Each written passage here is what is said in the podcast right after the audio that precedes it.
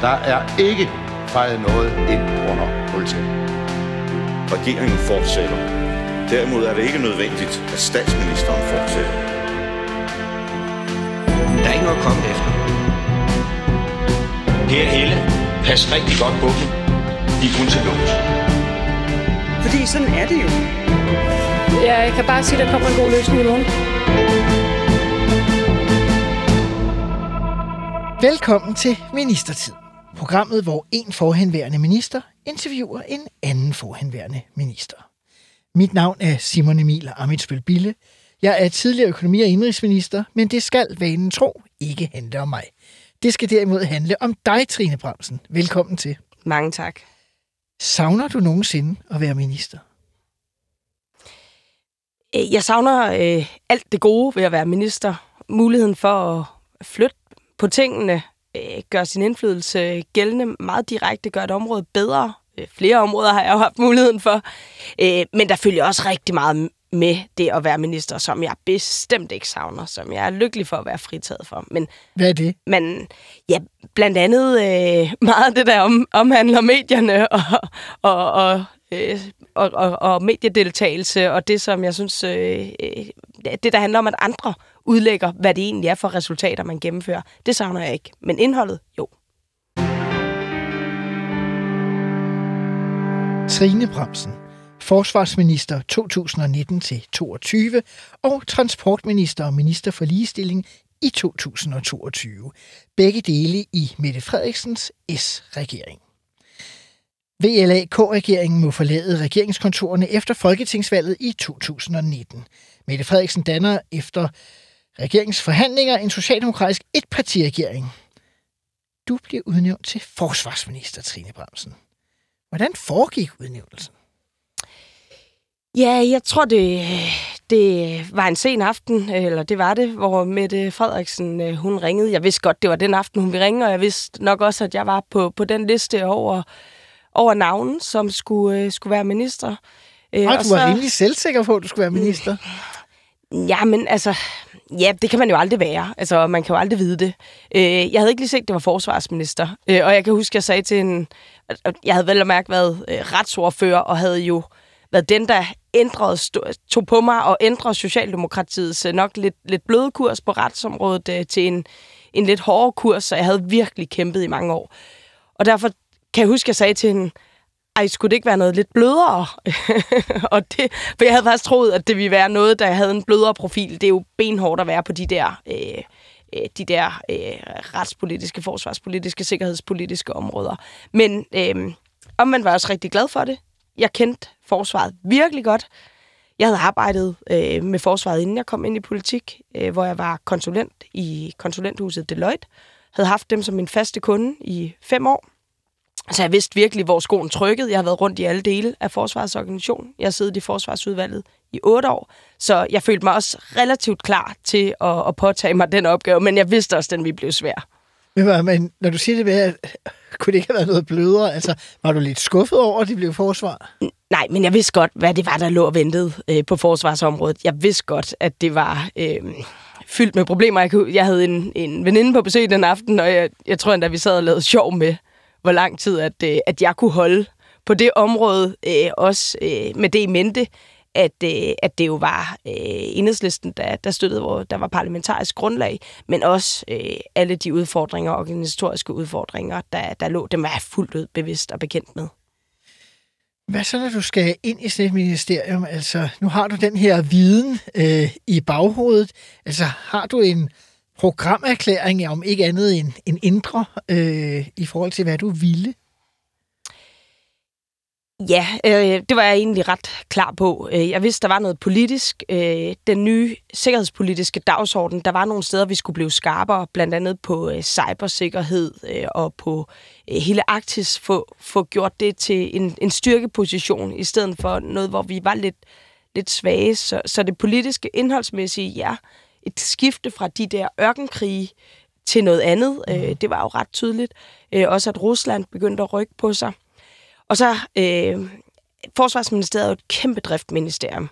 Og jeg havde jo beskæftiget mig med driften i ministeriet, med processerne, med svindlen, med øh, kulturen øh, i mit professionelle virke, inden jeg kom, kom ind. Øh, og der var jeg også klar over, at der var nogle ting, der skulle, der skulle tages hånd om. Jeg var egentlig også øh, ret bevidst om, at det vi komme med en pris. Og jeg kan huske, at at jeg sad øh, den aften, hvor jeg var blevet udnævnt, og det hele havde kørt. Min familie var kommet for, for at se det her. Det var jo kæmpe, kæmpe, kæmpe stort. Så sluttede vi af med en, en burger. Øh, de havde købt burger, da jeg kom hjem, øh, drøntræt.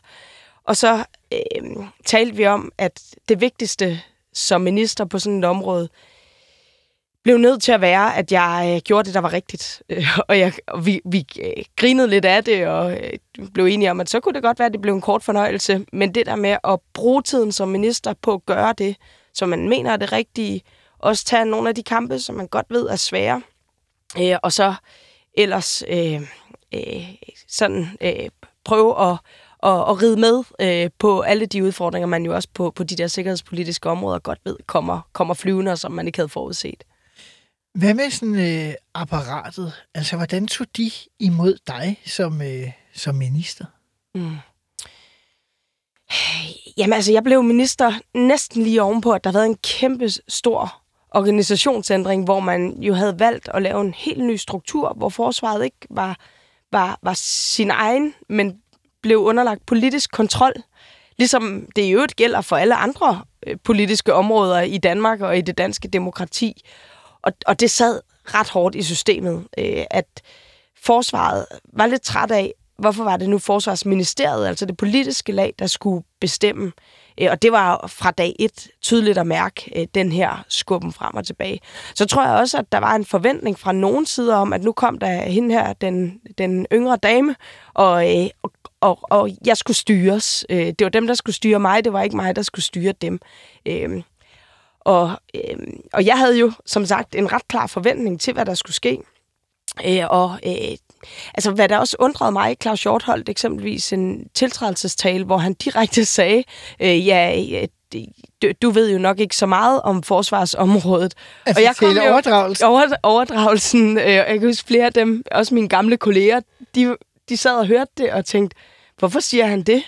Hun har da om nogen beskæftiget sig indet med forsvaret og styringen han af forsvaret. Han vidste du havde været retsordfører. Præcis, han vidste, jeg havde været retsordfører, så jeg tror sådan set ikke, det var øh, ond vilje. Men, den der, øh, men der var nok nogen, der blev lidt overrasket over, at jeg faktisk øh, at, at jeg ikke bare var placeret øh, for at skulle være en, øh, en, en der, der så ud, øh, men at jeg også havde noget, jeg gerne ville med det.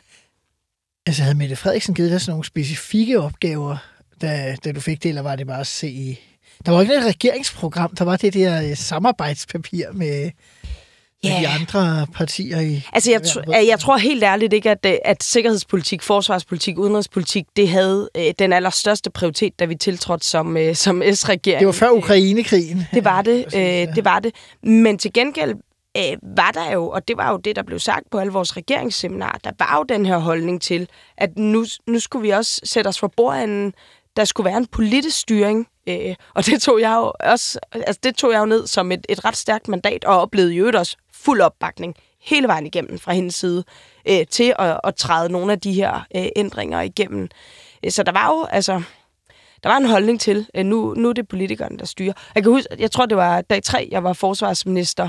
Øh, der kunne jeg læse i, øh, i en avis, at en øh, pressemedarbejder øh, fra en af en af, af styrelserne øh, udtalte sig øh, om, øh, øh, hvorvidt at der skulle være øh, kampfly øh, øh, i Grønland i fremtiden.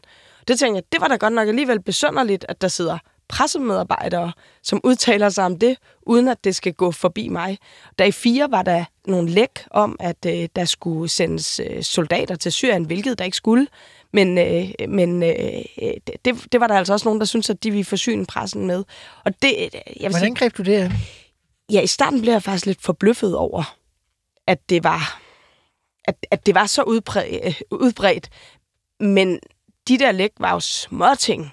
Småting i forhold til, hvad jeg hvad jeg opdagede da, senere. Da, da, senere hen. Der var en meget, meget udpræget grad af åbenhed i forvaltningen, øhm, som også indebar nogle, nogle øh, nogle beslutninger, som ikke engang var, var truffet. Nogle af dem var ikke engang forelagt det mig nu.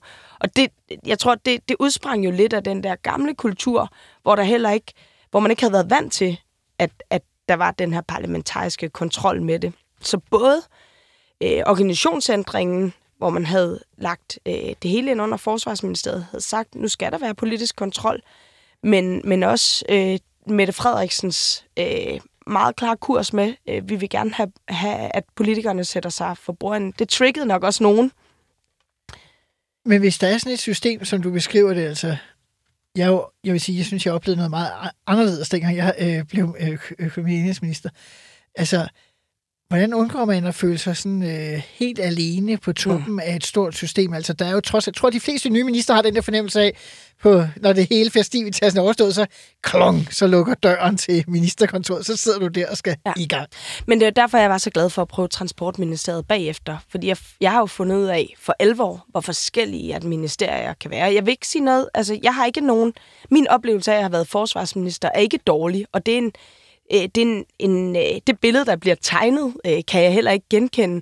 For jeg synes jo virkelig, at jeg lykkes med at få nogle ting igennem og oplevede massiv opbakning fra de medarbejdere, der var der. Øh, noget af det første, jeg fik igennem, var et familiecenter i øh, et veteran familiecenter øh, for familier, som tit er dem, der i den grad lider, når, øh, når far går ned med PTSD eksempelvis, øh, eller far er udsendt. Øh, Øh, jeg fik etableret en erhvervsuddannelse for konstabler, øh, som, som der aldrig havde været. De har gået rundt som ufaglærte, selvom de arbejdede et helt liv i, øh, i forsvaret. Og en seniorordning og erstatning til FN-veteraner, øh, som de har kæmpet for siden 90'erne. Og øh, net, netop Arktis øh, fik jeg lavet en stor, stor øh, samlende pakke omkring Arktis, øh, Arktis kapaciteter. Så, øh, og jeg oplevede egentlig, at der var en, fra langt de fleste medarbejdere i Forsvarsministeriet, og også langt ud i Forsvaret og Forsvarets styrelser, var kæmpe, kæmpe opbakning til den her modernisering, kan man måske kalde det, men også til, at der skete noget. Hvordan var den politiske opbakning i forhold til de dele? Altså, vi kan jo vende mm. tilbage til nogle af ja. de andre ja, I starten var den rigtig god, men jeg tror også, øh, at altså, det der jo skete øh, efter øh, efter der begyndte at, at komme sådan nogle dårlige øh, sager, det var, at, at øh, særligt de blå partier også udså sig forsvaret som en kampplads, øh, og øh, altså dels har det jo traditionelt været blå politik, der har været ført i, øh, i Det har været et område, V og K og S ligesom har været kernen i. Ja, det har det, så derfor øh, var det jo måske heller ikke der, hvor, hvor, hvor de øh, røde partier kastede sig ind foran øh, og, og, og lagde tryk på. Og sandheden var også, at vi havde et forlig med de blå partier, så de kunne også øh, larme på det her område. Der var en Jakob Ellemann, som øh, jo også øh, gerne fortalte om hans egen tid i, i, i forsvaret, og måske ja. også tegnede et billede af, at han lignede mere en soldat, end, end hendes socialdemokraten, der kom med, med sit lyshår. Øh, og det, altså, sådan er det jo i politik. Man bruger, øh, man bruger det til, til kampplads, man nu kan, engang kan, kan få foden indenfor. Jeg synes, på nogle områder gik det lidt for vidt, men, men jeg har også været så mange år i politik, så, så det, er jo, øh, det er jo ligesom vilkårene. Vi skal prøve også at se på, som du sagde, at der også var nogle øh, sager, som var sådan øh, lidt øh, besværlige, hvis man kan sige det sådan. Øh, der er to, øh, jeg i hvert fald gerne vil tage op. Det ene, det er, at der var hele diskussionen om øh, forsvarschefen, der ikke måtte udtale sig om politik, øh, men skulle holde sig til de mere sådan, faglige ting. Kan du fortælle om den øh, så meget konversation, der var i offentligheden også? Ikke? Mm. Altså. Ja, det er jo, det er jo en af de historier, jeg aldrig har kunne genkende fra virkeligheden i hvert fald. Øh, og det undrer mig også. Øh, det kom så, det kom så af, øh, at øh, den nye forsvarschef, som jeg jo selv havde udpeget, øh, han var meget nøje udvalgt i forhold til, og det kan være, at vi kan komme tilbage til det, fordi der var jo en, en stribe af sager, der var rigtig ærgerlige for forsvaret svindel, en herrechef, der kom i fængsel, og øh, for nepotisme, og alle mulige ting, der skulle ryddes op i.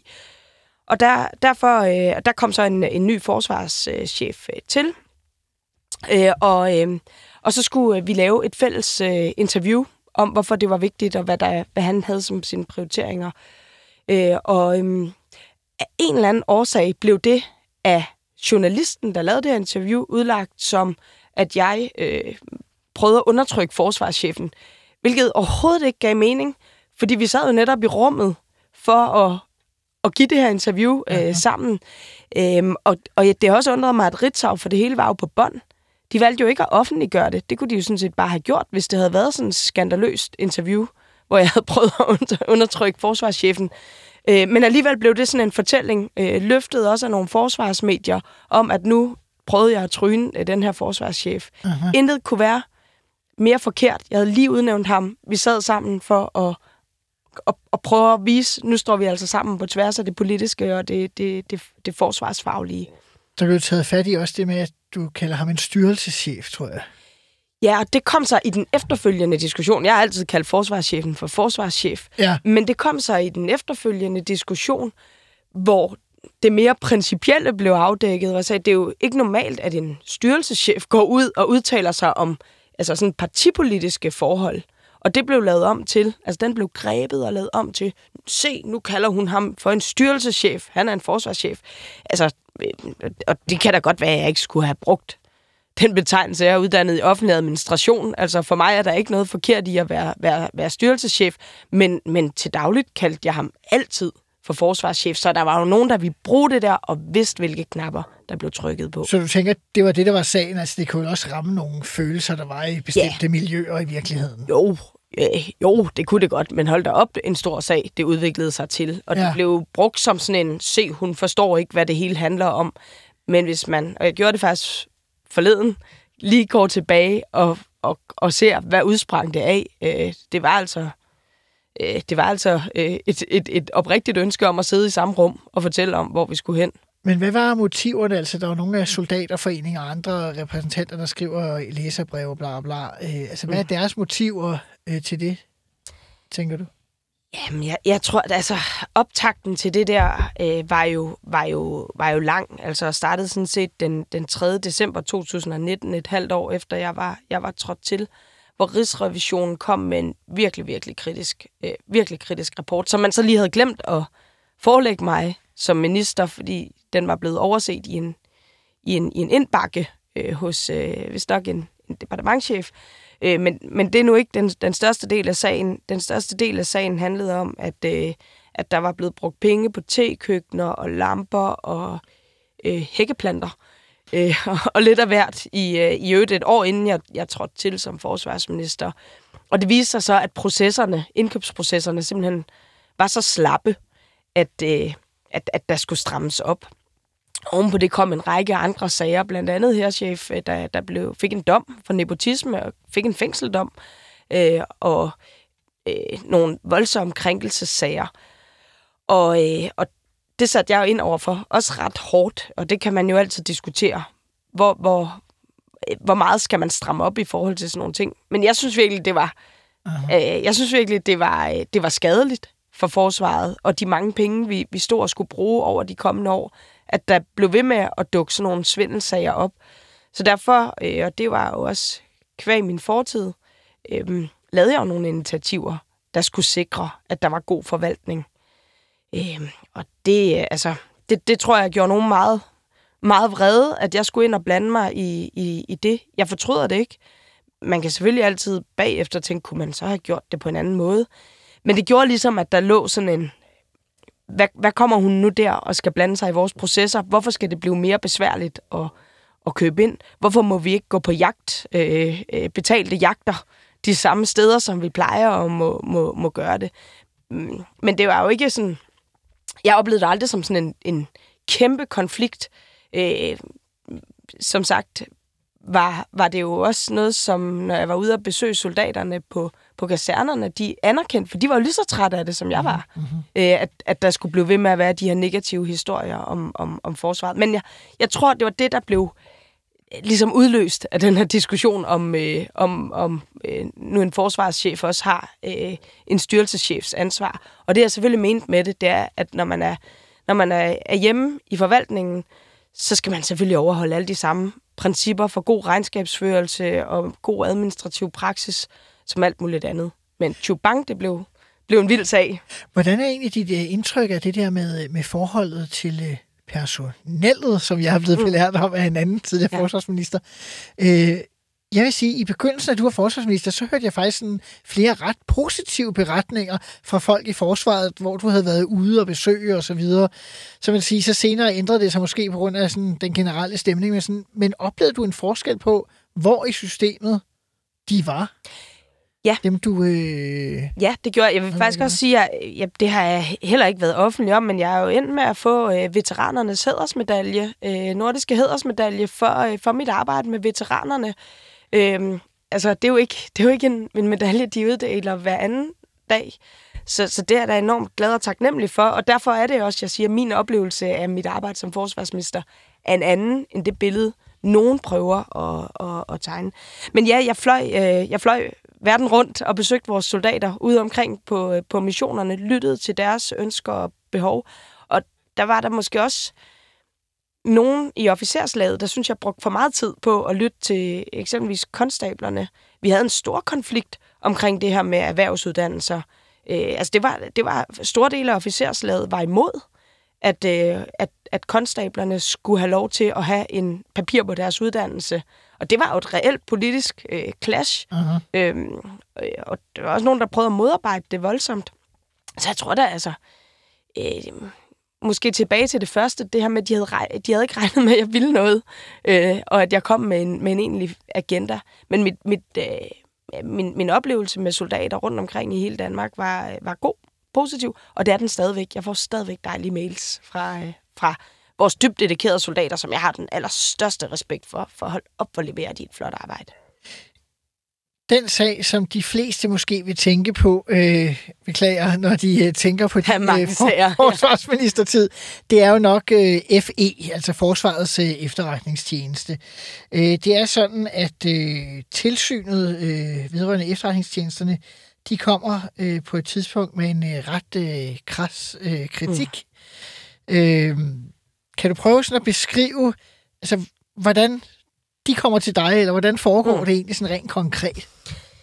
Ja, der, og der er jo grænser for, hvor meget jeg kan fortælle, og det, det har jo også hele tiden været min tilgang til at være forsvarsminister, at det vigtigste, det er sådan set, at man kan holde på hemmeligheder. Øh, og det agter jeg at, at opretholde, og jeg har også hele tiden øh, haft det sådan, at øh, bare fordi nogen skriver noget tavligt, så behøver jeg ikke bryde min tavshedspligt. Men altså, det, selvfølgelig har der været dialog med tilsynet, der er der jo løbende, altså, og jeg vil sige, at jeg havde ikke i min vildeste fantasi forestillet mig, at de ville smide sådan en pressemeddelelse på bordet, som de gjorde en fredag eftermiddag i starten af august 2020. Ikke i min vildeste fantasi. Det var et chok, og det var det for mig, det var det for Forsvarets efterretningstjeneste, det var det for alle medarbejdere, der var omkring det der. Fordi øh, tilsyn med efterretningstjenester, dem kan man ikke bare hunse rundt med. Og hvad er det, de kritiserer? De siger, der foregår noget ulovligt.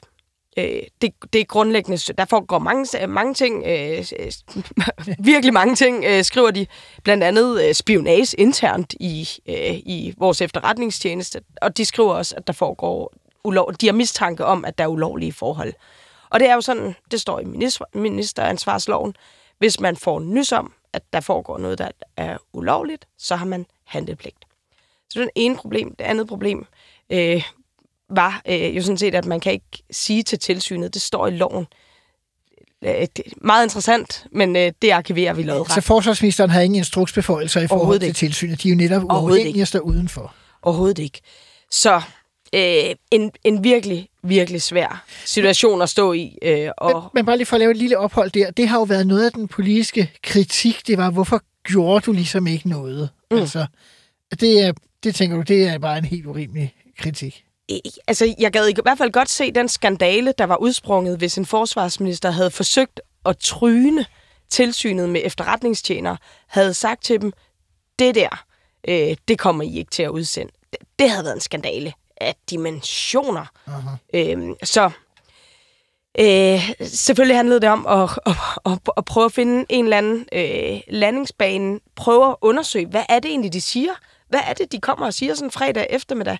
Øh, og Hvordan, hvad gør man for at undersøge sådan en landingsbane? Altså, hvad kan man ja, der gøre? blev, sat, der blev jo øh, nedsat en, øh, en, øh, en, en dommerundersøgelse, som så skulle undersøge, er det rigtigt, alle de her vilde, vilde, vilde ting, mm.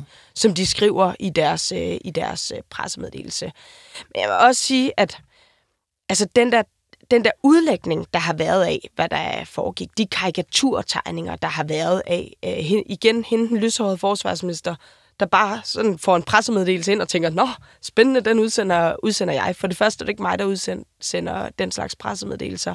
Det er tilsynet selv. For det andet, man har ikke instruktionsbeføjelser over dem, øh, så man, man har ikke muligheden for at gå ind og sige, det må I ikke. Øh, og så vil jeg sige, den tredje ting, som jeg synes er, altså, det der billede, der har tegnet, været tegnet af, at jeg bare havde rigtig travlt øh, med at skulle udsende den. Selvfølgelig øh, var det sådan, at, øh, at det blev drøftet med, med de partiledere, de relevante partiledere, blev drøftet, spurgt, hvad, hvad tænker I, vi gør i den her meget, meget svære situation? De relevante partier, er det forsvarsforligets øh, partier, eller, eller er det bredere? Det, øh, det, det er jo øh, de partiledere, som øh, normalt øh, tager ansvar for Danmarks ved og vel og, og sikkerhed. For selvfølgelig har man ikke en interesse i, at sådan noget bliver en, øh, en, en, en, en stor sag. Ja.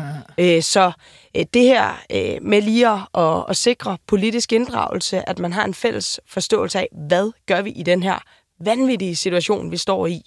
Øh, og, og derfor var det jo ikke noget, der, der, der bare vupti blev behandlet øh, over natten. Men når du siger det på den måde, er du så skuffet over, hvordan nogle af de partier, hvis partiledere var blevet orienteret, reagerede i offentligheden? Ja, der er i hvert fald... Øh, altså, man går jo altid og vurderer, mm, tænker jeg, i politik mennesker på deres, på deres gerninger, og på, om de er, de er ordentlige. Og jeg vil da nok sige, at her synes jeg, at der er nogen, der ikke har opført sig ordentligt, og som har haft mere travlt med at prøve at se, om de kunne putte branden på bålet, end egentlig at reflektere over, hvad, øh, hvad var vores egen rolle. Altså fordi når du siger, at de partier, som normalt passer på Danmark, og vi tidligere i udsendelsen snakkede om, at kernen i forsvarspolitik i Danmark typisk havde været S, V og K, så tænker jeg, at så er det mindst dem, der har været orienteret. Ja, jeg, jeg, jeg vil jo helst øh, meget, jeg vil meget, meget nødig undgå at gå ind i detaljerne af det, i det her. Det tror jeg også, at der, der er forståelse for. Men jeg vil sige, det billede, der er tegnet om, at det skulle være sådan en pludselig indskydelse, en pressemeddelelse kommer, jeg tænker, lad mig bare få den ud over stepperne. Sådan foregik det ikke. Men for eksempel øh, for Venstre, der blev det meget din forgænger, Claus Hjort Frederiksen, der sådan også øh, kastede sig ind i sagen. Tror jeg i virkeligheden, altså, at han gjorde det mere øh, på egen hånd? Ja, altså, jeg, jeg skal jo ikke... Øh, nu der jo, bliver der jo også nedsat en, en, en kommission til at undersøge øh, de her øh, forhold om, om, omkring det, og der, derfor vil, vil jeg ikke være den, der vurderer folks handlinger, men, men, men der er der nogle mennesker, jeg tænker, som har, har glemt, øh, hvad de egentlig selv vidste, og, øh, og, og hvad de var til møder om. På et øh, senere tidspunkt, altså der er nogle medarbejdere, der bliver hjemsendt i forbindelse med det her. Mm. Efterretningschef øh, Lars Finsen, er jo tidligere departementschef i Forsvarsministeriet, øh, og nogle andre. Og, og senere den undersøgelse, du nedsætter, den kommer, og den ligesom ødelægger lidt grundlaget for hjemsendelsen, sådan som jeg forstår det. Altså, hvordan oplever du det? Øh, ja, det, det, var jeg jo sådan set den, der var allergladest for. Øh, fordi jeg var den, der var mest glad for, at øh, der ikke var blevet begået ulovligheder på min vagt øh, i vores efterretningstjeneste. Men det ændrede jo ikke på, at tilsynet havde rejst øh, deres bekymring om, at der foregik ulovligheder. Og derfor i de hjemsendelser, der var, stod der også meget, meget klart, at det var en, øh, en, en forløbig øh, hjem indtil videre. Det var den formulering, der blev brugt indtil videre. Og, og kort efter blev de jo øh, alle sammen tilbudt øh, at kunne være andre steder, mens den her undersøgelse foregik. Men jeg ved ikke, hvad det er, kritikerne forestiller sig, man skulle have gjort i stedet for. Altså skulle de medarbejdere, der blev beskyldt for, at tilsyn, det uafhængige tilsyn, blev beskyldt for at bryde loven på en hel stribe af punkter, skulle de selv sidde og undersøge sig selv? Altså det, jeg kan, det kan jeg ikke få til at hænge sammen. Øhm, men, men, men da øh, selve øh, dommerundersøgelsen kom med sine endelige resultater, der var jeg da rigtig, rigtig glad for, at det ikke var, at, at det som tilsynet påstod, at der ikke var hold i de anklager. Men synes du så som minister, at det er problematisk, at et tilsyn kommer med så alvorlige anklager, og så siger du, så kan du godt glæde dig over, at der ikke er hold i dem, men er det ikke problematisk at et tilsyn, som oh. rammer så skævt? Altså, det, det var jo den konstruktion, vi havde besluttede på det tidspunkt. Jeg ved, at der nu er overvejelser om, hvordan man skal, skal strikke det, det sammen fremadrettet, så det, det er heller ikke noget, jeg kommer til at gå ind i. Så det, der, der var væsentligt for mig som minister, og som, som jeg også oplevede fuld opbakning til, det var, at vi agerede inden for, for lovgivningens rammer, øh, og det, vi havde vedtaget, øh, øh, gælder. Og det er altså, at man ikke bare kan øh, sige til et tilsyn, øh, det, det, det der, øh, det, det, det, det er interessant læsning, men, øh, men I kan rende og Jeg tror lige, vi skal lave som uh, disclaimer til lytterne, at uh, vi to har jo også været retsordførerkolleger i Folketinget mm. igennem en årrække. Og uh, en af de ting, som i hvert fald er kommet sådan som jeg i hvert fald er blevet, har tænkt i den her forbindelse, det er, at, øh, at øh, jeg har i hvert fald været på besøg, du har sikkert været med, jeg kan ikke huske, hvem der lige var på de enkelte ture, og tænkt, at der er en række andre lande, der måske har nogle lidt øh, stærkere tilsyn end det danske. Altså det kunne også kunne skyldes, øh, undskyld udtrykket, impotensen ved det danske tilsyn i forhold til andre tilsyn, at de måske har sværere ved mm. at, at skulle komme med en rapport, som er fyldeskørende, end, end man vil have andre steder.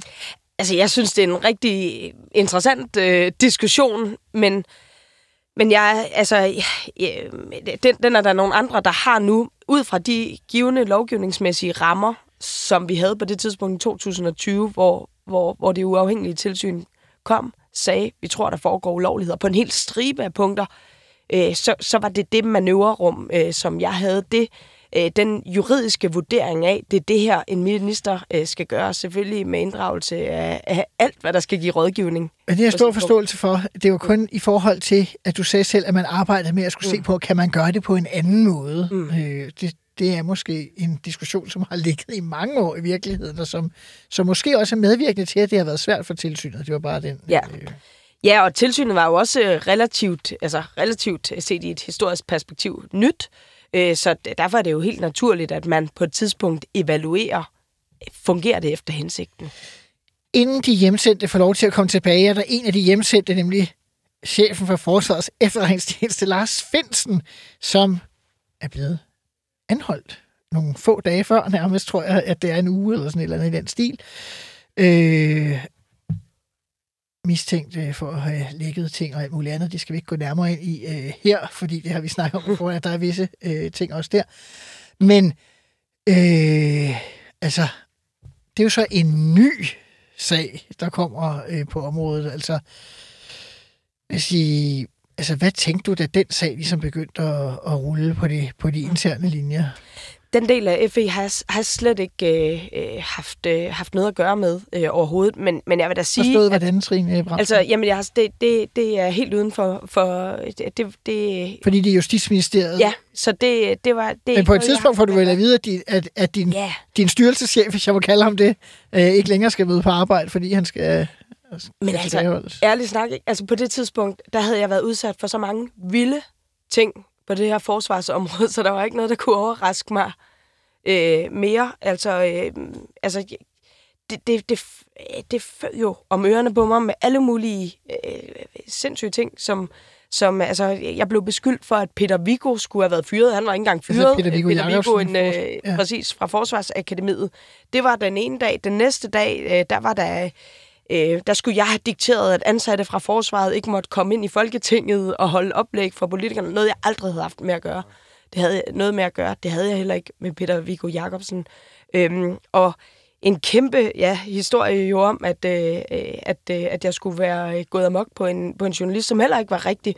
Så ved jeg, altså, der, der skete så vilde ting øh, på det her forsvarsområde, øh, om, øh, altså, og der var så altså, ting, som jeg ikke engang kunne, kunne forestille mig at læse i, i romaner nærmest hver eneste dag. Så, altså, så jeg tror også, det, det var jo det lys, øh, at... Det er jo nærmest sniblind af alle de øh, anklager og, og skriverier. Nej, men altså... Øh, i hvert fald har det da gjort, at jeg den dag i dag har en temmelig høj stresstærskel. Der skal rimelig meget, meget til at ryste. Det kunne gå begge veje. Ryste, ryste mig, ja. ja, ja øhm, altså, ja. Så det var ikke... Og den var uden for mit øh, ressortområde. Det var ikke noget, jeg kunne gøre noget ved. Men jeg tænker, hvis jeg, da jeg var minister, fik at vide, at øh, ude i en øh, styrelse eller en institution under ministeriet var øh, chefen blevet arresteret, så tror jeg, ikke bare, jeg ville tænke, nå ja, jeg ville tænke, hold da op, eller et eller andet, altså i det mindste. Ja, men altså, det var ikke en helt normal dag på kontoret, vil jeg sige. men, øh, men, men du bliver ikke, man bliver ikke involveret Jeg har- jeg har ikke- jeg prøver bare at forstå, Ja, hvordan nej, det er også Jeg har ingenting haft, af øh, haft med at gøre, det der. Øh, og derfor øh, har jeg også været sådan lidt træt af at skulle vikles ind i det, og, ja. og være billede på, øh, på, på, på, på den del. Du skal bare få konstitueret en ny. Eller? Ja. Ja. ja. Og det var jo sket tidligere, for selvfølgelig kan, kan Forsvarets efterretningstjeneste ikke stå, stå uden en, en, en chef og en leder. I øvrigt også øh, styrke, øh, fordi nogle af de ting, som tilsynet pegede på, handlede om sådan noget med, at der ikke var ordentligt juridisk backup, og der lå det jo også i min handlepligt, at det må vi hellere sørge for at få i orden, øh, fordi selvfølgelig skal vi da have en, en, en efterretningstjeneste, der, der følger øh, reglerne. Det må der ikke kunne stille, stille spørgsmålstegn ved. Vi skal nu til det, der hedder fem faste spørgsmål, som alle de ministre, der har været igennem programmet, bliver udsat for. Det er over 90, og således også til dig, Trine Bramsen. Det første af spørgsmålene, det hedder, var der noget, du gerne ville have gennemført, som du ikke nåede i din ministertid? Og det gælder alle tre områder, selvom vi endnu ikke har talt så meget om transport- og ligestillingsområderne. Jeg vil gerne have været den minister, som gjorde vores togdrift i Danmark endnu bedre. Så skulle jeg godt nok have været minister lang tid, for det, det, er, det er jo sådan et, et, et 15-årigt perspektiv. Men tænk sig at have været den minister, der sikrede gode tog til tiden i hele Danmark. Hvad var din ministertids værste øjeblik? Øh, det var de gange, hvor jeg blev beskyldt for noget, som simpelthen var så langt væk fra virkeligheden. Øh, eksempelvis, at Peter Viggo Jacobsen skulle være blevet fyret, og det var mig, der skulle have dikteret det. For hvordan går man op imod noget, der ikke er rigtigt?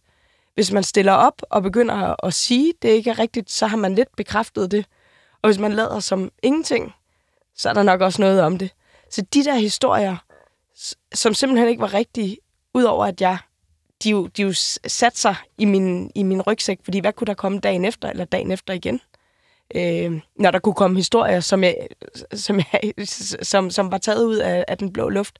Bare et tillægsspørgsmål. Altså, var der nogen, du ligesom kunne, kunne støtte dig til i de her situationer? Fordi jeg tænker, mm. når en minister kommer ud i en storm, så kan der jo typisk ske det, at der er nogen, der tænker, uha, jeg skal ikke blive øh, klistret for meget op af mm. den øh, dårlige karma, der kan komme omkring øh, den pågældende minister.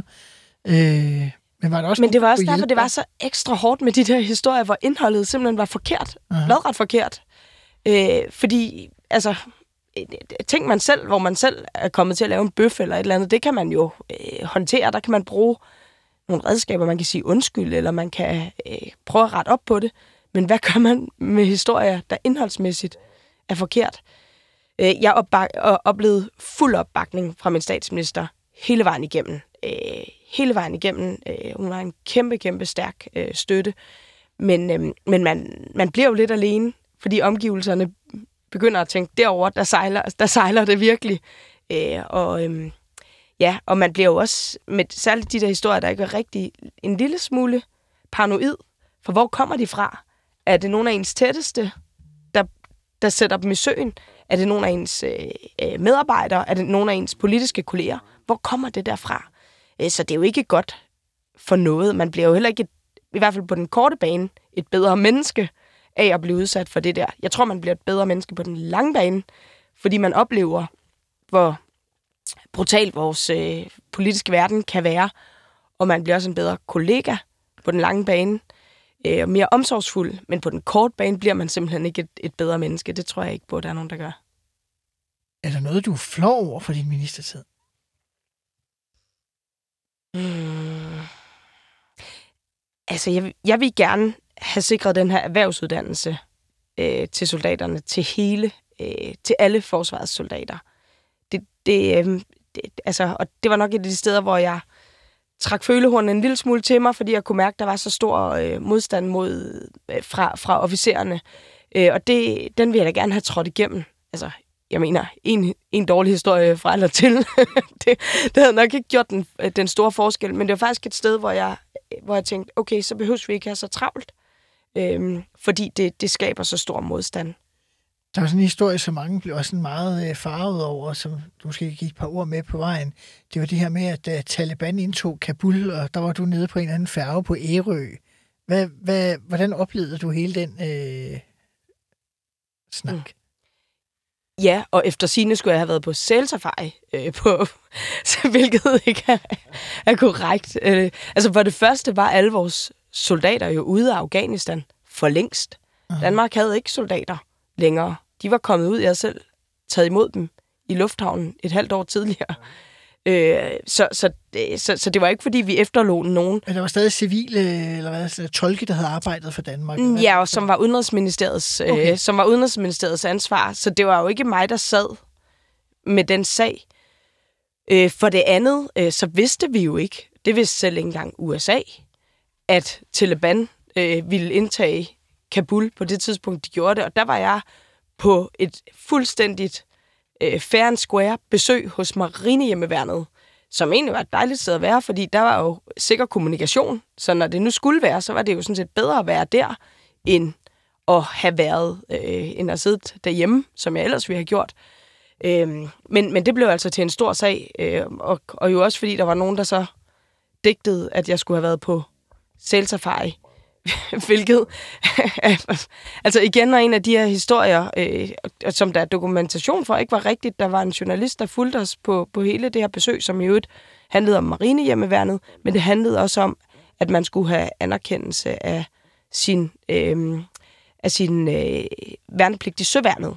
Øh, og derfor var der et besøg på navigationsskolen i Marstal. Men, men, øh, men det blev altså kørt fuldstændig op. Og man kan sige, skulle jeg sidde derhjemme? Ja, det kan godt være. Men det havde simpelthen ikke gjort nogen forskel. Har du lavet en revkage som minister?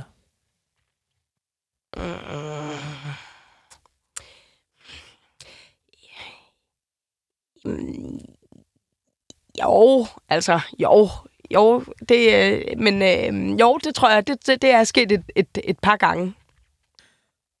Vil du fortælle nogle af dem? Ja, det, var- det, det, er jo, det er jo, jeg tror, at det er den stille og rolige øh, ende, hvor det har handlet om at trække nogen til troet, altså som er politikersproget for at få nogen til at gå med i en aftale.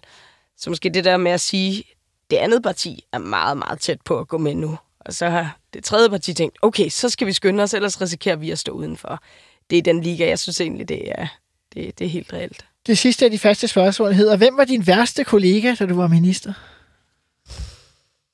Det var min usynlige kollega, som, øh, som, altså, som, som plantede historier. Jeg ved ikke, hvem det er.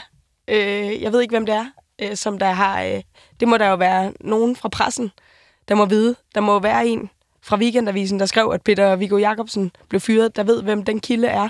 Hvem kilderne til de der andre historier, øh, der ikke var rigtige, hvem det er. Det var min værste kollega. I 2022 ryger Benny Engelbrecht som transportminister, fordi enhedslisten er utilfreds med nogle manglende klimaberegninger i forhold til motorvejsbyggerier og lignende. Det åbner en rokade, hvor du overtager transport og får ligestilling oven i, Trine Bremsen. Hvordan blev du overbragt nyheden om, at du skulle skifte ministerium? Øh, jamen, jeg havde egentlig selv i december måned sagt, at hvis der skulle komme en åbning et andet sted, så kunne det da måske være en god idé øh, at, at se på det. Ikke fordi jeg ikke var glad for Forsvarsministeriet, men øh, den der usynlige ven, der blev ved med at undergrave mig, øh, som måske var flere, var da benhårdt. Øh, så, så jeg havde luftet ideen, øh, og så vidste jeg jo ikke, hvad der kom. Øh, så vidste jeg jo ikke, hvad der kom. Øh, og det viste sig så at være Transportministeriet. Det passede også glimrende med, at Morten Bødskov kunne rykke fra skat øh, og ind i Forsvarsministeriet. Øh, og øh, ja, så, øh, så, så Transportministeriet, jeg var lidt, lidt skeptisk, øh, skeptisk over for Transportministeriet i forvejen, eller på forhånd.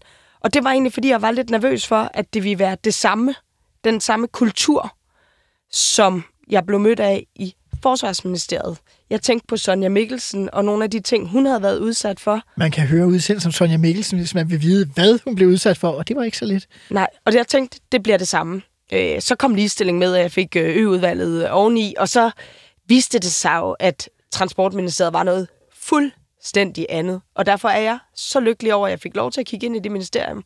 Jeg øh, synes øh, fagligt, øh, det er et af de øh, mest interessante ministerier. Tænk, hvor meget det betyder for folks hverdag, at vores øh, transport, kollektiv transport, vores veje, øh, infrastruktur fungerer.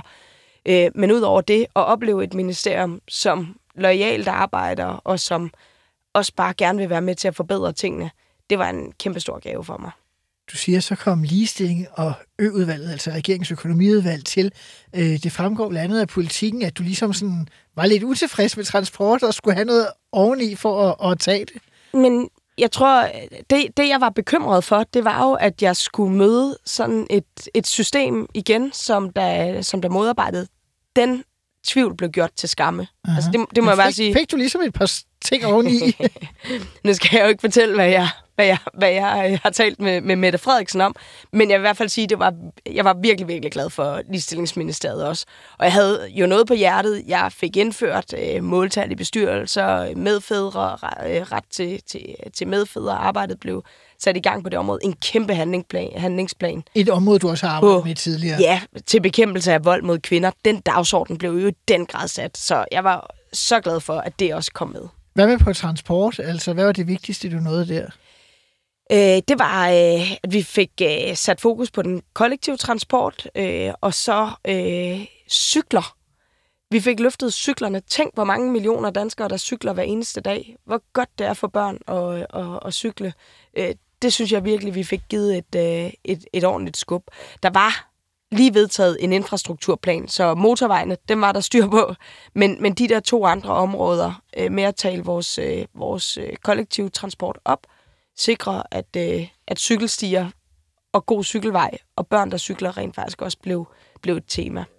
Jeg kan ikke være med at spørge, når du siger det der med, at, øh, at det var et helt andet system og et helt andet hus. Altså, jeg har også øh, øh, mødt øh, departementchef Jakob Heinsen øh, nogle gange. Et utroligt vidende menneske, øh, skal jeg bare sige. Altså, hvordan... Øh, Altså, hvordan kan man mærke Kunne man mærke det allerede i modtagelsen, eller er det sådan, når du havde været der, er lige ved at sige? Var der Jamen, og igen, det var jo ikke, fordi Forsvarsministeriet øh, var, var, var, et, var et dårligt sted. Jeg, jeg oplevede, altså min hverdag i Forsvarsministeriet var god. Jeg gik glad på arbejde. Jeg synes, der var de mest fantastiske, sprudlende, kreative mennesker. Øh, men, men det der med, øh, altså, at der ikke var de der historier, der pludselig kunne dukke op med, med mærkelige øh, læk og beskyldninger, øh, men at der tværtimod bare var en lyst til at forbedre sammen, og øh, en, øh, en lyst til at tænke med på nogle idéer. Du Øh, den var, øh, altså det, det, det overvældede mig, øh, og, og jeg, desværre, og det kan jeg jo så ære mig over i dag, jeg blev ved med at gå i den første lange, det la- første lange stykke tid, og være bange for, er der nu nogen, der stikker mig i ryggen? Øh, er der nu nogen, der vil mig det ondt? Det var der ikke. Kunne du også mærke det på det politiske niveau, altså i Folketinget, at øh, der kunne man sige, der var der jo en del ordfører, der gik øh, hårdt efter dig, da du var forsvarsminister. Var det også et andet miljø at komme over til i transportordførerkredsen, eller var der nogen, der tænkte, nå ja, det gik så godt med dem over på, på forsvar, så nu må vi hellere jage hende videre her? Det oplevede jeg slet ikke øh, på, på transportområdet. Og det, det sjove var jo, at nogle af ordførerne var jo sågar de samme. Øh, og som jeg blev nødt til lige at, at spise en burger med at drikke et øh, glas rødvin og, og sige, skulle vi ikke øh, aftale, at øh, nu er vi i et andet game. Og det, øh, altså, det, det var der også faktisk også et ønske øh, øh, om fra, der, fra, fra deres side. Så øh, ja, så jeg, jeg, jeg oplevede også et helt andet samarbejde med, øh, med, med ordførerne. I 22 bliver ikke alene det år, hvor du skal have en ny ministerpost. Det bliver også øh, valgår, øh, fordi øh, de radikale siger, at de ikke vil øh, lade regeringen overleve Folketingets åbning, mindre og der er udskrevet folketingsvalg, og det bliver der jo så. Øh, og valget ender med, at vi får en øh, usædvanlig regering, altså statsminister Mette Frederiksen og Socialdemokraterne går i regering med Venstre og Moderaterne, en bred regering over midten, første flertalsregering siden Poul Nyrup Rasmussens rødkløverregering tilbage i 93-94. Der bliver jo færre socialdemokratiske ministre, da man havde alle sammen før, og nu kommer der to partier ind. Der bliver ikke plads til dig, øh, Trine Bramsen. Øh, hvordan havde du det med det? Mm. Altså, øh, jeg, jeg følte jo selvfølgelig, at jeg ikke var færdig med nogle ting, både på transportområdet og ligestillingsområdet. Øh, området. Omvendt var det også en benhård valgkamp. Øh, den var lang. øh, den var lang, men øh, Lars Finsen udgav også en bog midt i valgkampen, som blev meget rettet FE, mod, øh, mod mig, altså, og, øh, altså, som jo gjorde, at der gik øh, journalister rundt på min lille villavej på Turø og spurgte naboerne, hvad, hvad de synes om det. Øh, altså, så det kom virkelig, virkelig tæt, øh, tæt på. Det var ikke, fordi det ellers øh, var... Påvirkede det din valgkamp? Øhm, det gjorde det jo nok. Altså, jeg blev, der var en hel uge, hvor jeg bare blev jagtet rundt.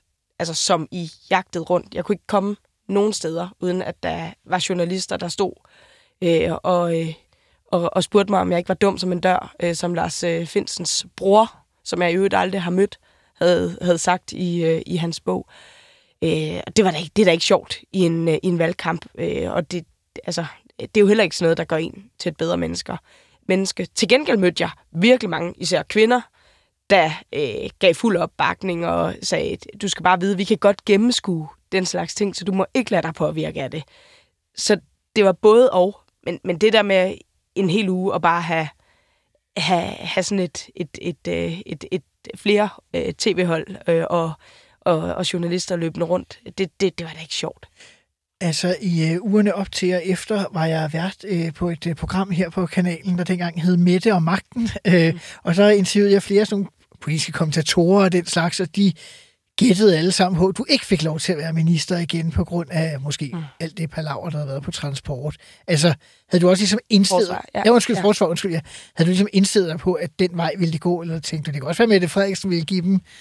Man kan i hvert fald sige, at hvis der er nogen, der ved, hvad der er foregået, øh, og hvad der er rigtigt, og hvad der er forkert, øh, så er det jo Mette Frederiksen. Øh, så derfor har jeg jo nok hele tiden haft sådan en... Øh, altså, øh, hvis, hvis der også er retfærdighed til i den her verden, i forhold til sådan at dømme, så er det jo ikke kommentatorerne, der skal gøre det. Så er det jo øh, Mette Frederiksen med den indsigt, hun har. Øh, og jeg kan bare konstatere, at der er mange ting, som kommentatorerne ikke ved. Der er også nogle ting, øh, de øh, udlægger forkert, selvom de godt ved, øh, hvad, der, hvad der er op og ned. Så der, der har jeg egentlig været rimelig rolig, men jeg vil sige, for mennesket Trine, var det nok, øh, altså det var, det var voldsomt at komme ud af den der tid der, øh, så, så det var nok meget fint lige at finde fodfæste. Og jeg tror jo også på, og der er jeg måske præget af min fortid i det private erhvervsliv, hvor der er mere rum til den slags. Jeg tror faktisk på, at det der med, at man har noget tid til lige at trække sine læringer ind, øh, finde ud af, hvad, hvad var det, at jeg oplevede i min tid som minister, have tid til at sidde til nogle konferencer og blive klogere, og alle de her ting, det kunne jeg faktisk godt unde nogle af dem, der bare har været minister i, øh, i øh, år efter år. Øh, fordi man, det er lige præcis der, man bliver et bedre menneske, dygtigere menneske. Det er, når man får tiden og rummet til at reflektere. Og på det plan er jeg ikke ked af, at jeg øh, ikke blev minister. Hvordan øh, får du egentlig at vide, at du ikke skal være minister igen? Øh, jamen, altså, det, det var ikke noget stort til sådan øh, større chok. Øh, det, jeg tror, det var Mette Frederiksen, der ringede og sagde det. Altså, hvad, hvad siger hun? Tak for den gang. Vi vidste, altså, vi vidste Ja, jo alle sammen godt, at vi, øh, vi, at vi skulle øh, øh, dele nogle ministerposter ud. Øh, rimelig mange endda.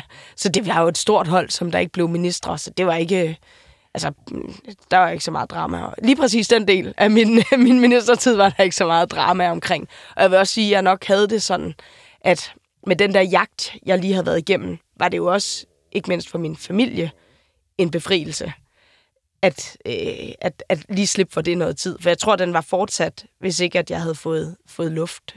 Så det var umiddelbart lettet også. Altså, det er jo en helt øh, pærevælling af, af følelser, men i hvert fald kunne jeg jo godt se, at for min familie og for mit liv var det nok, øh, og min, øh, var det nok meget fint øh, lige at, at, at lave noget andet. Trine Bramsen, det bliver det sidste år i dag. Det var en øh, fornøjelse at have dig på besøg. Mit navn er Simon Emil Amitsbøl Bille. Du har lyttet til Ministertid på 24-7. Husk, jer tilbage igen i næste uge og på fredag med Ministertid Live, hvor der er debat med forhenværende minister om aktuel politik på genhør.